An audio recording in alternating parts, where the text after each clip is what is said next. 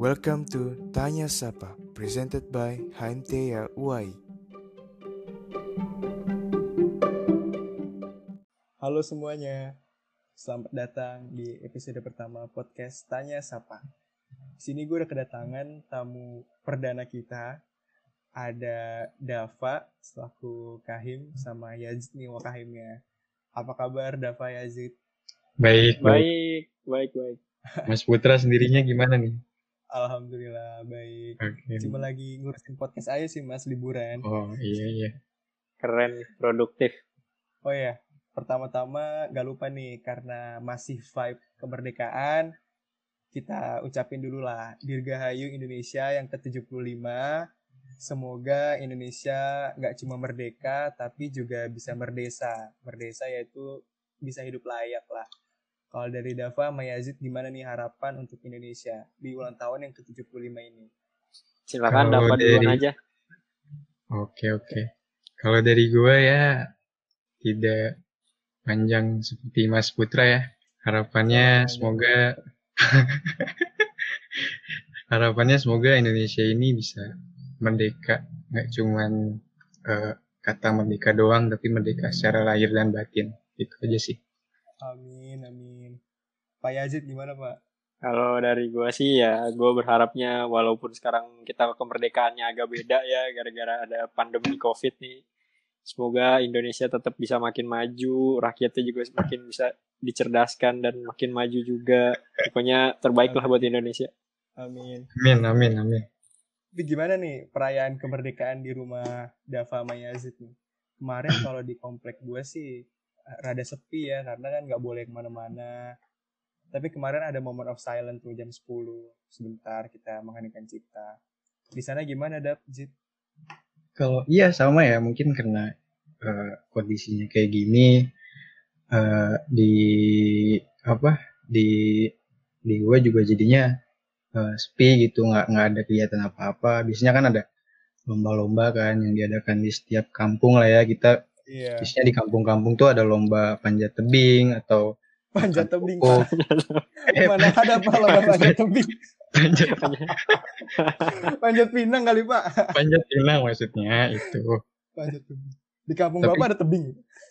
ada kan tebing-tebing yang bikinan itu kan ada kan yang Ah, iya.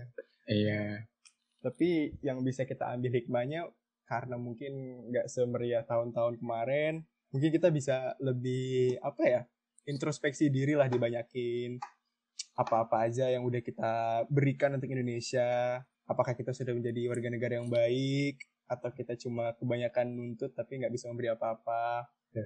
Ini bisa sama-sama kita jadikan bahan introspeksi diri lah di momen-momen seperti ini Hmm. Ta- iya nih. tapi justru gini Pak Pak Putra. Jadi kalau menurut gua ya adanya COVID pandemi ini nih justru nunjukin kalau misalnya kita yang masih mau ngerayain walaupun nggak ada apa-apa, nggak ada lomba, nggak ada upacara, nggak ada apa-apanya di dekat lingkungan kita, tapi kita tetap menghargai adanya kemerdekaan.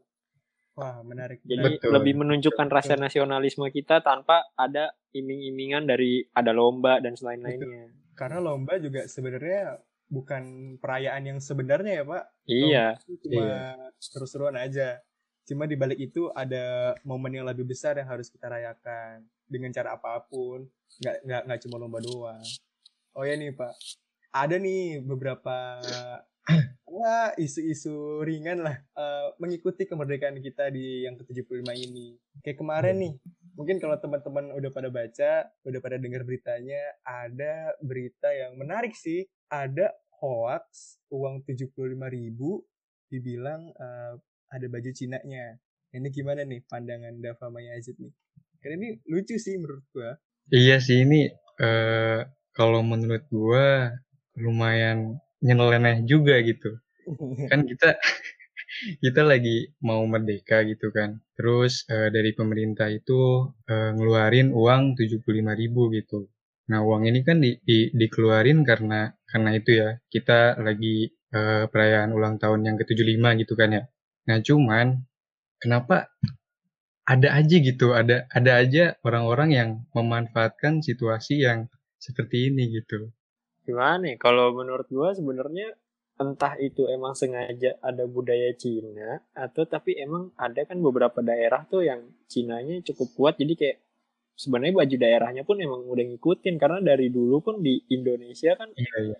Eh, negara bukan negara Cina sih ras Cina itu kan udah masuk cukup lama juga kan jadi kayak beberapa Udah daerah tuh lah ya. beberapa baju daerah tuh emang banyak yang mirip-mirip sama Cina juga Sama kayak ini ya, baju koko tuh sebenarnya juga dari Cina kan ya? Iya, baju baju koko.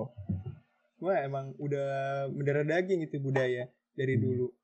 Iya, karena kan kita emang apa ya, udah kalau melihat sejarah gitu ya.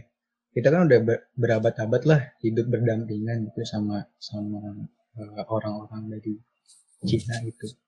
Jadi ya eh, kalau soal ngomongin budaya ya pasti ada yang melekat di dalam diri kita gitu. Kayak contohnya Iya. makanan. Makanan ya kita ambil yang paling deket somai lah, ya kan? Oh somai. ya, somai Iya, itu kan dari dari Cina juga gitu. Tapi gak ada yang komen ya kita makan somai dibilang Cina. Nah, nah itu makanya kan bahkan yang paling gampang aja deh kita tuh paling sering kan ngomong goceng, gope, ceban Nah, itu tuh. oh, itu kan juga masuk dari budaya Cina juga yang kita Oh iya, bawa Pak. ke Indonesia Iya, Dulu- itu. nyebut lima puluh ribu jadi gocap Tapi ini kalau misalkan kita telusuri lebih lanjut ya, ini baca di internet juga banyak. Baju itu tuh sebenarnya yang dipermasalahkan sama netizen itu adalah baju pakaian adat suku Tidung. Kalimantan. Iya, iya, iya. Yang artinya itu tuh bener-bener baju adat Indonesia yang Hmm. mungkin mereka nggak pernah lihat dan nggak pernah tahu kalau ada baju budaya Indonesia yang kayak gini. Dan Hmm. mereka langsung cocokologi gitulah. Oh ini Cina nih. Iya. oh budaya Cina udah masuk ke ke duit kayak gitu sebenarnya juga kita nggak ada masalah ya sama orang-orang keturunan Cina ya Kalau dari gue pribadi sih nggak ada. ya bener kata Yajid tadi kita udah hidup lama berdampingan dan mereka juga orang Indonesia gitu Iya, iya. nggak harus orang-orang yang leluhurnya adalah orang sana bukan berarti orang Indonesia mereka juga orang Indonesia Hmm. Itu juga banyak kan teman-teman saudara-saudara kita yang yang keturunannya keturunan sana keturunan Cina tapi mereka Indonesia karena mungkin juga ada orang-orang yang emang berniat untuk ngobrak-ngabrik persatuan kita kali ya di momen-momen kemerdekaan kayak gini Iya, iya. Nggak- Nah itu eh apa ya? Dari mungkin dari dari sudut pandang mereka gitu ya. Mereka tuh selalu mengambil kesempatan di mana eh, eh, topik ini tuh bisa memecah belah persatuan dan kesatuan kita gitu. Karena kan kalau misalkan dilihat ke belakang ya, kalau dengar-dengar istilah Cina itu kan kita sensitif lah gitu. Eh, gue juga bingung kenapa sebenarnya cuman ya itu baik lagi tadi eh, mereka tuh selalu melihat selalu bisa melihat peluang di mana eh, persatuan-kesatuan kita tuh bisa bisa dipecah gitu bahkan eh, apa dengan dengan apa namanya dengan dalih-dalih kalau mereka itu sudah bisa memastikan bahwa eh, pakaian adat yang di uang 75.000 ini tuh berasal dari Cina gitu kan iya kita nggak tahu kan mereka risetnya dari mana, informasinya dari mana gitu. Itu sih.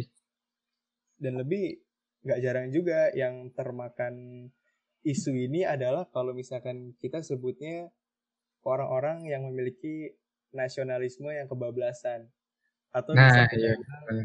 orang-orang puber nasionalis lah kayak Iya, iya. "Wah, dia tuh nasionalis banget gitu ada yang beda ideologi Anda tidak cinta Indonesia Iya. Berlebihan. kayak ya yang model-model gini lah ada ada sedikit yang kecina-cinaan wah ini bahaya. Kayak gitu. Hmm. padahal orang-orang kayak gitu eh, ya mungkin kita secara nggak sadar dulu pernah kayak gitu atau masih kayak gitu. Ya mungkin kita Hmm. sama-sama introspeksi lah. Kalau misalkan kita ngelihat ada sesuatu yang nggak sesuai dengan hati nurani kita ya boleh-boleh aja. Itu kan kembali lagi gimana kita keberpihakan kita ya. Mau lu Hmm. nggak suka ini ya nggak apa-apa mau lu nggak suka itu nggak apa-apa cuma yang harus kita perhatiin tuh cara kita merespon sesuatu Nah, itu itu. seperti hoax atau kita manas-manasin media Hmm. itu yang paling sering terjadi sih kalau misalkan kita perhatiin di Indonesia orang banyak kemakan isu eh, merasa paling nasionalis lah kalau kata Pak Jokowi Iya, iya benar. benar. nah ada lagi nih Jit inget nggak waktu kemarin ada isu duit seratus ribu yang ada PKI-nya? Nah itu dari sudut pandang lo gimana Jit nanggepin hal ini Jit? Wah, kalau udah PKI sih beda cerita ya. Kalau kita tadi ngebahas Cina, ya kalau Cina sih masih ya bisa kita inilah, bisa kita telusuri dulu apanya, gimana nya, uh, jelasnya lah. Tapi kalau PKI ini emang suatu hal yang nggak bisa dimaklumi sih kalau buat gue juga emang ya intinya kalau di Indonesia itu kan PKI itu udah sesuatu yang tabu banget lah kita tuh nggak nggak bisa lah kalau udah sesuatu berbau PKI emang harus di ini makanya kan sampai kalau ada dulu pernah ada kasus gitu orang pakai baju bacaannya PKI padahal itu singkatan dari pecinta kopi Indonesia. Tapi gara-gara itu bawa nama PKI, orang itu diciduk polisi. Iya, iya. Makanya emang kalau soal PKI itu udah sensitif. Jadi kalau menurut gua kalau PKI mungkin emang mestilah adanya sedikit netizen-netizen dan kita-kita nih mahasiswa itu memberi sedikit teguran supaya itu nggak terjadi. Tapi kalau soal isu ada di duit, uh, jujur gue kurang tahu sih beritanya. Tapi mesti lihat juga sih lebih lanjutnya. Gue setuju sama ya ada setujunya. Kita harus berhati-hati lah. Kita waspada boleh. Iya, Cuma mungkin jangan terlalu cepat mengambil kesimpulan ya. Iya, kan juga kalau di Islam kita diajarin apa namanya yang uh, mencari kabar mencari apa konfirmasi namanya apa? Ikhtiar. Oh uh, bukan eh googling lo googling ada lah pokoknya kalau di Islam tuh ada yeah, istilah yeah. apa buat kita tuh uh, mencari tahu kebenarannya iya yeah, iya yeah.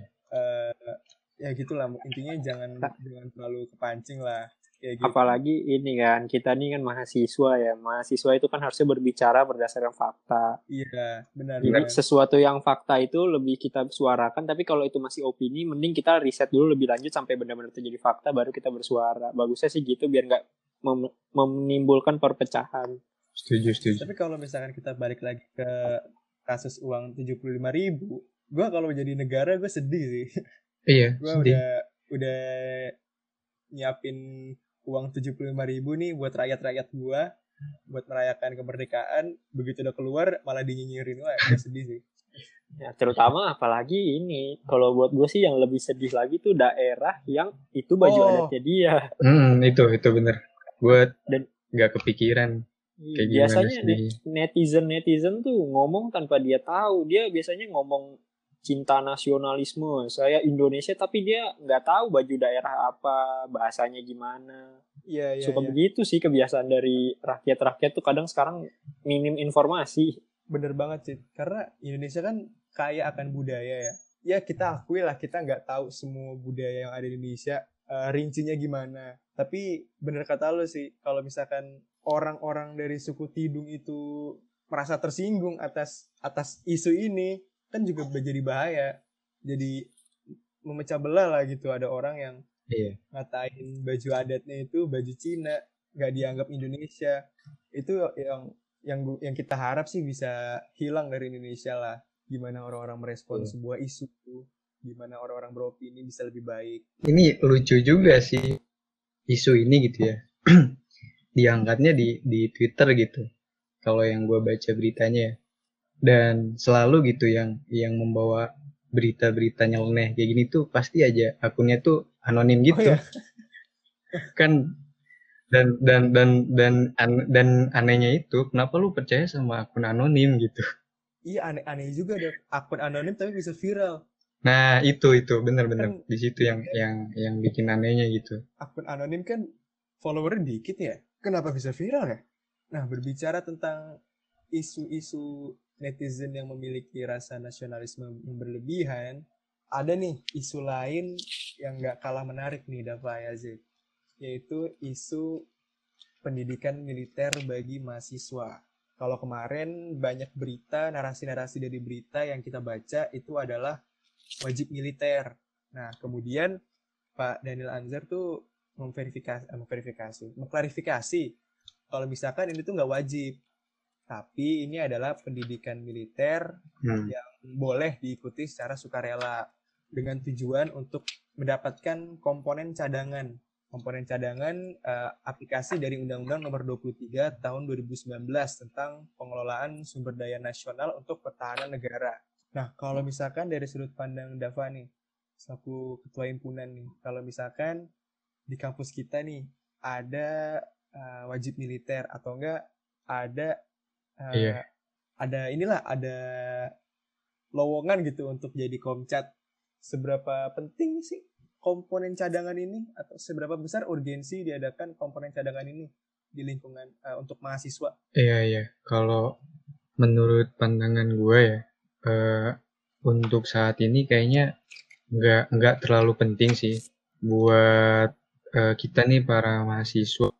Ini kalau misalkan dari pemerintah jadi gitu ya, ngadain eh, pendidikan milime- mili- militer di apa di tempat-tempat kuliah gitu. Kalau menurut gue nggak belum belum belum apalagi eh, kita kita nggak nggak nggak bisa belum bisa ya belum bisa meraba eh, tujuan yang sebenarnya gitu dari pemerintah kenapa sih mereka tuh eh, pengen ngewajibin eh, pendidikan militer ini tuh di di perkuliahan gitu dan katanya kan eh, bahkan eh, ada ada wacananya kalau pendidikan militer ini mau masuk ke SKS gitu jadi masuk di satu semester gitu Kalau dari Yazid gimana nih Yazid? Menurut lo bakalan efektif gak nih kalau misalkan diadain komponen cadangan walaupun itu sukarela ya, yang ya walaupun bukan program wajib militer tapi ini komponen cadangan yang pasti di programnya kan membutuhkan banyak biaya nih pemerintah ngeluarin anggaran untuk komcat ini. Nah menurut lo bakalan efektif gak sih kita eh, diadain komcat ini oleh oleh Kemenhan dan Kemdikbud demi tujuan meningkatkan rasa nasionalisme di kalangan anak muda Jit. Kalau pandangan gue pribadi ya, itu berbanding sih dari Dava, berbanding terbalik dari Dava. Kalau buat gue malah sebenarnya gue ngedukung. Apalagi, tapi gue lebih ngedukungnya itu bener-bener misalnya kayak uh, dari umur aja, jangan kayak mahasiswa doang, tapi lebih kayak misalnya ketika seorang laki-laki Indonesia atau mungkin perempuan juga, karena ya bebas lah, tapi um, jadi dibatasin umurnya dan semua itu ikut wajib militer menurut gue itu bagus. Sebenarnya banyak orang tuh masih mandangnya itu pendidikan wamil itu wajib militer itu kayak uh, merugikan atau misalnya buang-buang biaya atau mengganggu lah pokoknya. Padahal sebenarnya dampak dari wamil itu bagus banget. Uh, kita ambil contoh aja dua negara deh. Negara Korea sama negara Singapura. Dua-duanya itu ada wajib militer dan kita bisa lihat rakyatnya itu di situ tertib-tertib banget. Sebenarnya yang paling penting dari wajib militer itu adalah bagaimana caranya kita dididik supaya kita tuh punya rasa nasionalis, kita juga disiplin walaupun nggak ada yang mantau kita tapi dengan kita udah belajar wajib militer itu pasti kita bakal menambah uh, kedisiplinan dalam diri kita sendiri. Kalau kitanya disiplin, negara pun akan lebih enak berkembangnya. Kita ngomong mau majuin Indonesia, tapi kalau kitanya nggak melakukan perubahan pada diri kita sendiri, gimana Indonesia mau maju? Dan kalau buat gue sih, gue mendukung banget wajib militer, walau masih jadi uh, kontroversial buat beberapa orang, tapi buat gue ini bagus banget karena dampaknya itu ke mana-mana. Dan banyak banget benefitnya. Dan apalagi kalau misalnya ya mungkin dunia kan emang udah damai lah, tapi kan nggak ada salahnya kita tuh mempersiapkan diri apabila bener-bener misalnya terjadi perang kan kita nggak akan tahu ke depannya Indonesia gimana dunianya gimana. Maka lebih baik emang sebenarnya ada wajib militer. Ya apa jangan itu sih. Pak Prabowo ini kali Zid khawatir lah akan dampak yang akan terjadi di perang Asia Pasifik Cina Amerika. Tapi emang Pak. Prabowo tuh yang gue salut tuh Pak Prabowo tuh cocok banget lah jadi Kemenhan. Dia orangnya militer banget dan dia punya kewaspadaan yang tinggi. Kan orang militer kan harus gitu kan ya. iya emang ya kita emang mungkin sekarang dunia lagi damai tapi kita nggak bisa juga mandang bahwa ini bakal damai selamanya emang harus ada persiapan Ini damainya damai dalam arti belum belum tembak-tembakan aja sih Jit. ya kita berharap Iya. jangan ada tembak-tembakan lah damai aja terus. Walaupun kan perang diplomasi perang apa tetap ada. Kalau gue pribadi sih gue setuju juga sih terhadap militer eh, wajib militer ini. Soalnya gue dulu daftar gak keterima. Jadi gue mau masuk yang gratis aja gitu kan wajib militer. kalau dari gue sih concern dari Iya, wajib iya. militer itu lebih ke eh, pendidikan tegasannya itu loh karena emang buat gue tuh sekarang karakter ya. Indonesia yang ya Indonesia yang sekarang tuh krisis banget akan karakter bener-bener Ya, rakyat Indonesia tuh kayak gampang banget digiring. Contohnya kan kayak tadi yang kita bahas tuh opini. Wah, ada orang bikin tweet bikin suatu tweet di Twitter orang langsung pada digiring opininya langsung nyerang semua ke sana. Padahal mereka sendiri tuh belum melakukan riset. Itu sih krisis karakter. Mungkin biar nggak membebani dan biar nggak terlalu serem juga lah konotasinya. Ya mungkin pengemasannya aja bisa dijadikan yang lebih baik gitu pendidikan militernya bisa jangan jangan dinamain pendidikan militer lah kalau kata gue terlalu serem orang mikirnya bakalan angkat senjata atau apa dibilang wajib militer juga kurang cocok juga dibilang komponen cadangan juga kalau misalkan orang kayak orang-orang sipil kayak kita latihan perang juga Iya. juga bakal kalah lah sama tentara-tentara yang udah latihan bertahun-tahun. Ntar kalau perang beneran malah jadi beban ya nggak? Bener sih, emang konsepnya jangan jangan pasukan perangnya, tapi sebagai pendidikan karakternya untuk bisa lebih lebih baik di kehidupan bermasyarakat. Tapi walaupun kita Itu udah ya poin yang lebih PKN, semestinya ditonjolkan. atau Pancasila, Hmm. upacara setiap hari. Tapi menurut lu itu cukup nggak sih buat buat Indonesia nih yang saat ini kita lihat nih menjadikan masyarakat Indonesia itu memiliki karakter dan bisa bernegara dengan cerdas. Kalau dari gua sih, um, dari gua sih emang sebenarnya kurang ya. Uh, selain kita belajar dan menerima materi uh, PKN dari misalkan kita belajar dari SD, SMP, SMA, di kuliah juga kita dapat kan uh, kurang sih kalau kalau cuman materi doang gitu. Tapi uh, mungkin yang harus ditingkatkan itu atau yang menjadi Aplikasinya. sebuah PR itu adalah uh, gimana eh, aplikasinya gitu. Nah itu eh, gimana kita cara menerapkan ilmunya ke kehidupan sehari-hari gitu. Mungkin eh, problemnya di situ sih. Oh bener Gitu. banget Dap, gue setuju banget Dap. Karena kalau misalkan kita bicara tentang dunia dan negara-negara tetangga, zaman sekarang tuh udah nggak ada penjajahan pakai senjata lagi nggak sih? Ya kecuali ada beberapa negara yang memang masih mengalami eh, perperangan lah. Tapi secara Eh. mayoritas suatu negara bisa masuk ke negara lain tuh udah bukan dengan tentara lagi, tapi dengan dengan karya ya Dap ya. Iya, iya. Pendidikan Iya, pendidikan Pancasila dan kewarganegaraan itu salah satu outputnya itu adalah semangat berkarya daripada pemudanya melakukan inovasi iya bisa. agar bisa eh, dipandang oleh negara lain kayak yang eh, Korea Selatan lakukan dia bisa menjadi negara yang besar karena ya karena K-popnya Hmm, Ya, Industri Ya, kreatif industri ya. kreatifnya. Kalau misalkan Yazid nih, Yazid sekarang kan lagi eh, berkarya juga nih di bidang di bidang YouTube lah. bidang apa nih waduh apa Yazid punya channel YouTube nih guys. Jangan lupa di like, comment, and subscribe. Gimana menurut itu channel.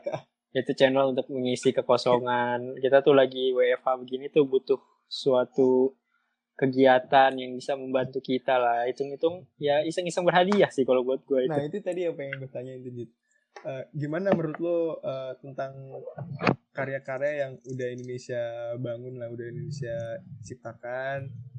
Terus eh, sebagai perwakilan anak muda, apa yang seharusnya kita introspeksi, apa yang seharusnya kita jadikan eh, pelajaran untuk ke depannya dalam bidang karya Indonesia sendiri. karya Iya, ya kalau buat dari gue pribadi karya tuh emang penting. Kayak cuman di Indonesia lah di Indonesia saat ini tuh karyanya itu banyak yang terlalu ya itu yang kayak gue bilang terlalu apa kalau bahasa sekarang kita ngomongnya mainstream kali.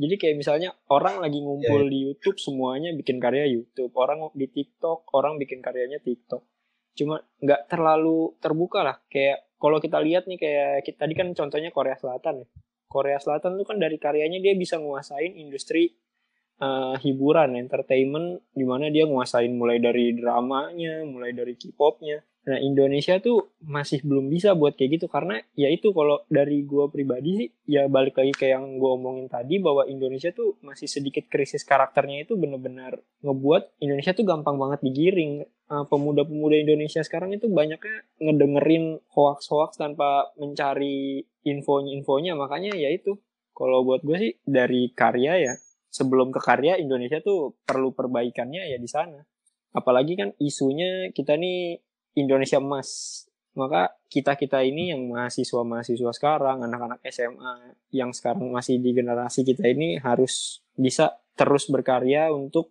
menaikkan derajat Indonesia di Iya, mata iya. dunia.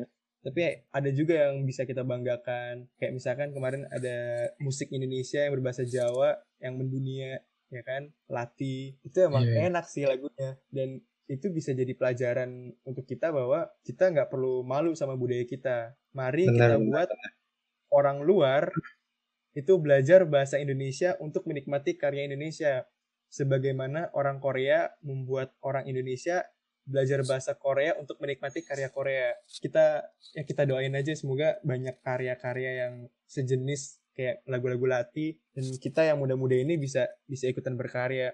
Kayak ini podcast ini juga jadi loncatan lah buat kita kita masih belajar ya pasti juga kan masih belajar masih belajar. masih mer- masih merangkak lah istilahnya Kita butuh inilah butuh apa eh, batu loncatan lah. iya iya lah istilahnya. Udah mulai ada satu karya lah yang keluar. hitung-hitung kan ini podcast ini salah satu langkah kita untuk pengabdian masyarakat Iya. secara online berusaha berusaha membantu masyarakat eh, apa open Iya. mind berpikir kritis dan sebagainya ini kan sudah bagian dari Iya iya iya.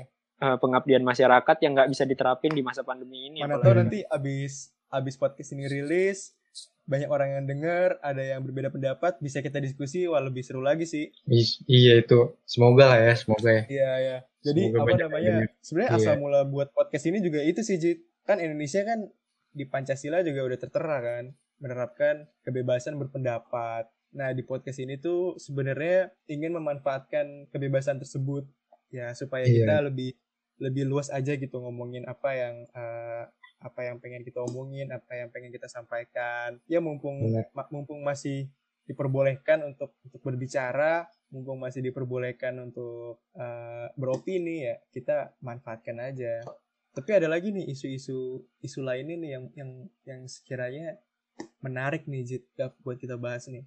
Apa tuh Tadi kan gue mention tentang kebebasan berpendapat. Nah, di sini nih. Iya. Kadang-kadang di sosial media, di berbagai platform sosial media, orang-orang uh, memakai slogan kebebasan berpendapat untuk berpendapat seenaknya. Nah, menurut kalian gimana atas uh, ya perilaku-perilaku yang seperti itu? Ini berpendapat di media sosialnya berpendapat yang gimana nih?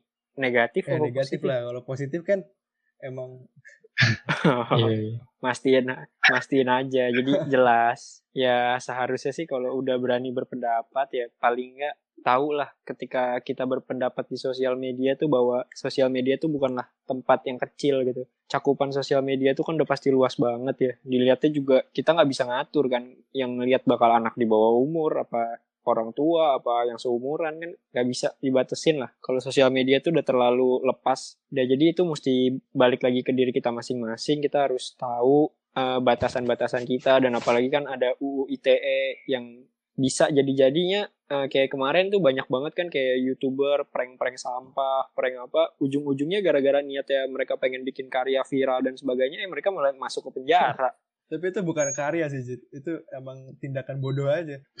Iya. Cuman Kurang- kan awalnya pasti mereka pas ngebuat itu kan punya harapannya apa tapi nggak taunya yang didapetin akhirnya malah jadi dibully Iya. kan. Makanya berpendapat juga mesti pinter-pinter kita dan kalau mau berpendapat pastikan yang kita omongin tuh fakta jangan sampai opini ya. Seperti yang tadi kita bilang kan mahasiswa tuh berbicara berdasarkan fakta. Kalau opini soalnya gampang dibantah jadi Iya, nggak iya. bagus. Kemudian kalau kita udah berbicara kebebasan berpendapat, hal menarik lainnya tuh orang-orang kadang-kadang tuh menyerang orang lain yang tidak sependapat dengan dirinya. Kayak eh, yang yang yang gue pribadi sayangkan sih orang-orang tuh masih kayak menganggap bahwa orang yang tidak sependapat dengan dia itu berarti tidak berteman dengan dia, padahal tidak sependapat itu bukan berarti tidak berteman. Jadi ya udah hanya, hanya pendapat kita aja yang beda.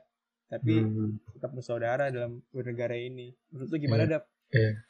Eh, gue sih melihatnya karena sekarang kan eranya digital ya Iya. Eh, apalagi sekarang udah banyak platform-platform yang menyediakan eh, istilahnya tuh media untuk kita berbicara atau mengemukakan pendapat gitu. Ya sangat diwajarkan sih sebenarnya kalau misalkan kita eh, s- pada saat menggunakan platform tersebut eh, kita mengemu- mengemukakan pendapat, eh, tapi di satu sisi ada yang berbeda gitu pandangannya.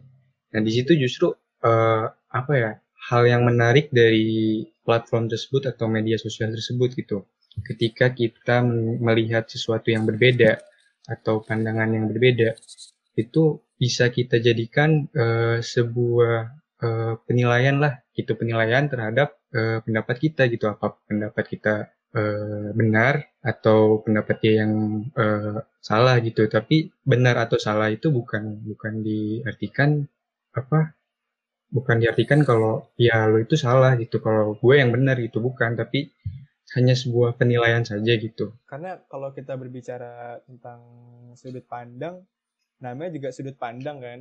Jadi ada Iya. sudut pandang dia, ada sudut pandang kita. iya Ya. benar Kita berbeda nggak apa-apa. Hmm, Yang masalah itu adalah gimana kita merespon perbedaan itu. hmm, hmm. benar benar Bineka Tunggal Ika yang selama ini digaung-gaungkan itu bukan cuma eh, menghargai perbedaan suku, agama, dan ras.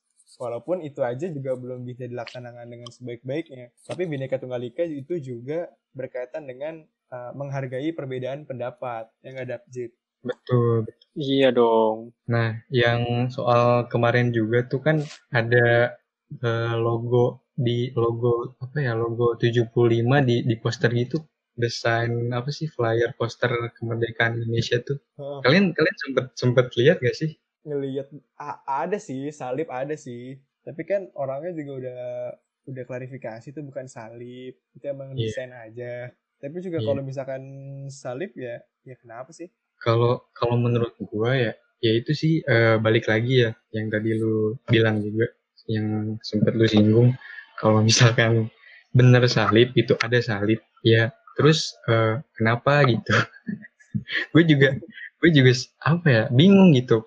Kenapa hal yang kayak gini tuh bisa bisa selalu ada gitu, bisa selalu hangat diperbincangkan. Iya. Padahal kan ini lagi lagi lagi perayaan ulang tahun Indonesia gitu kan.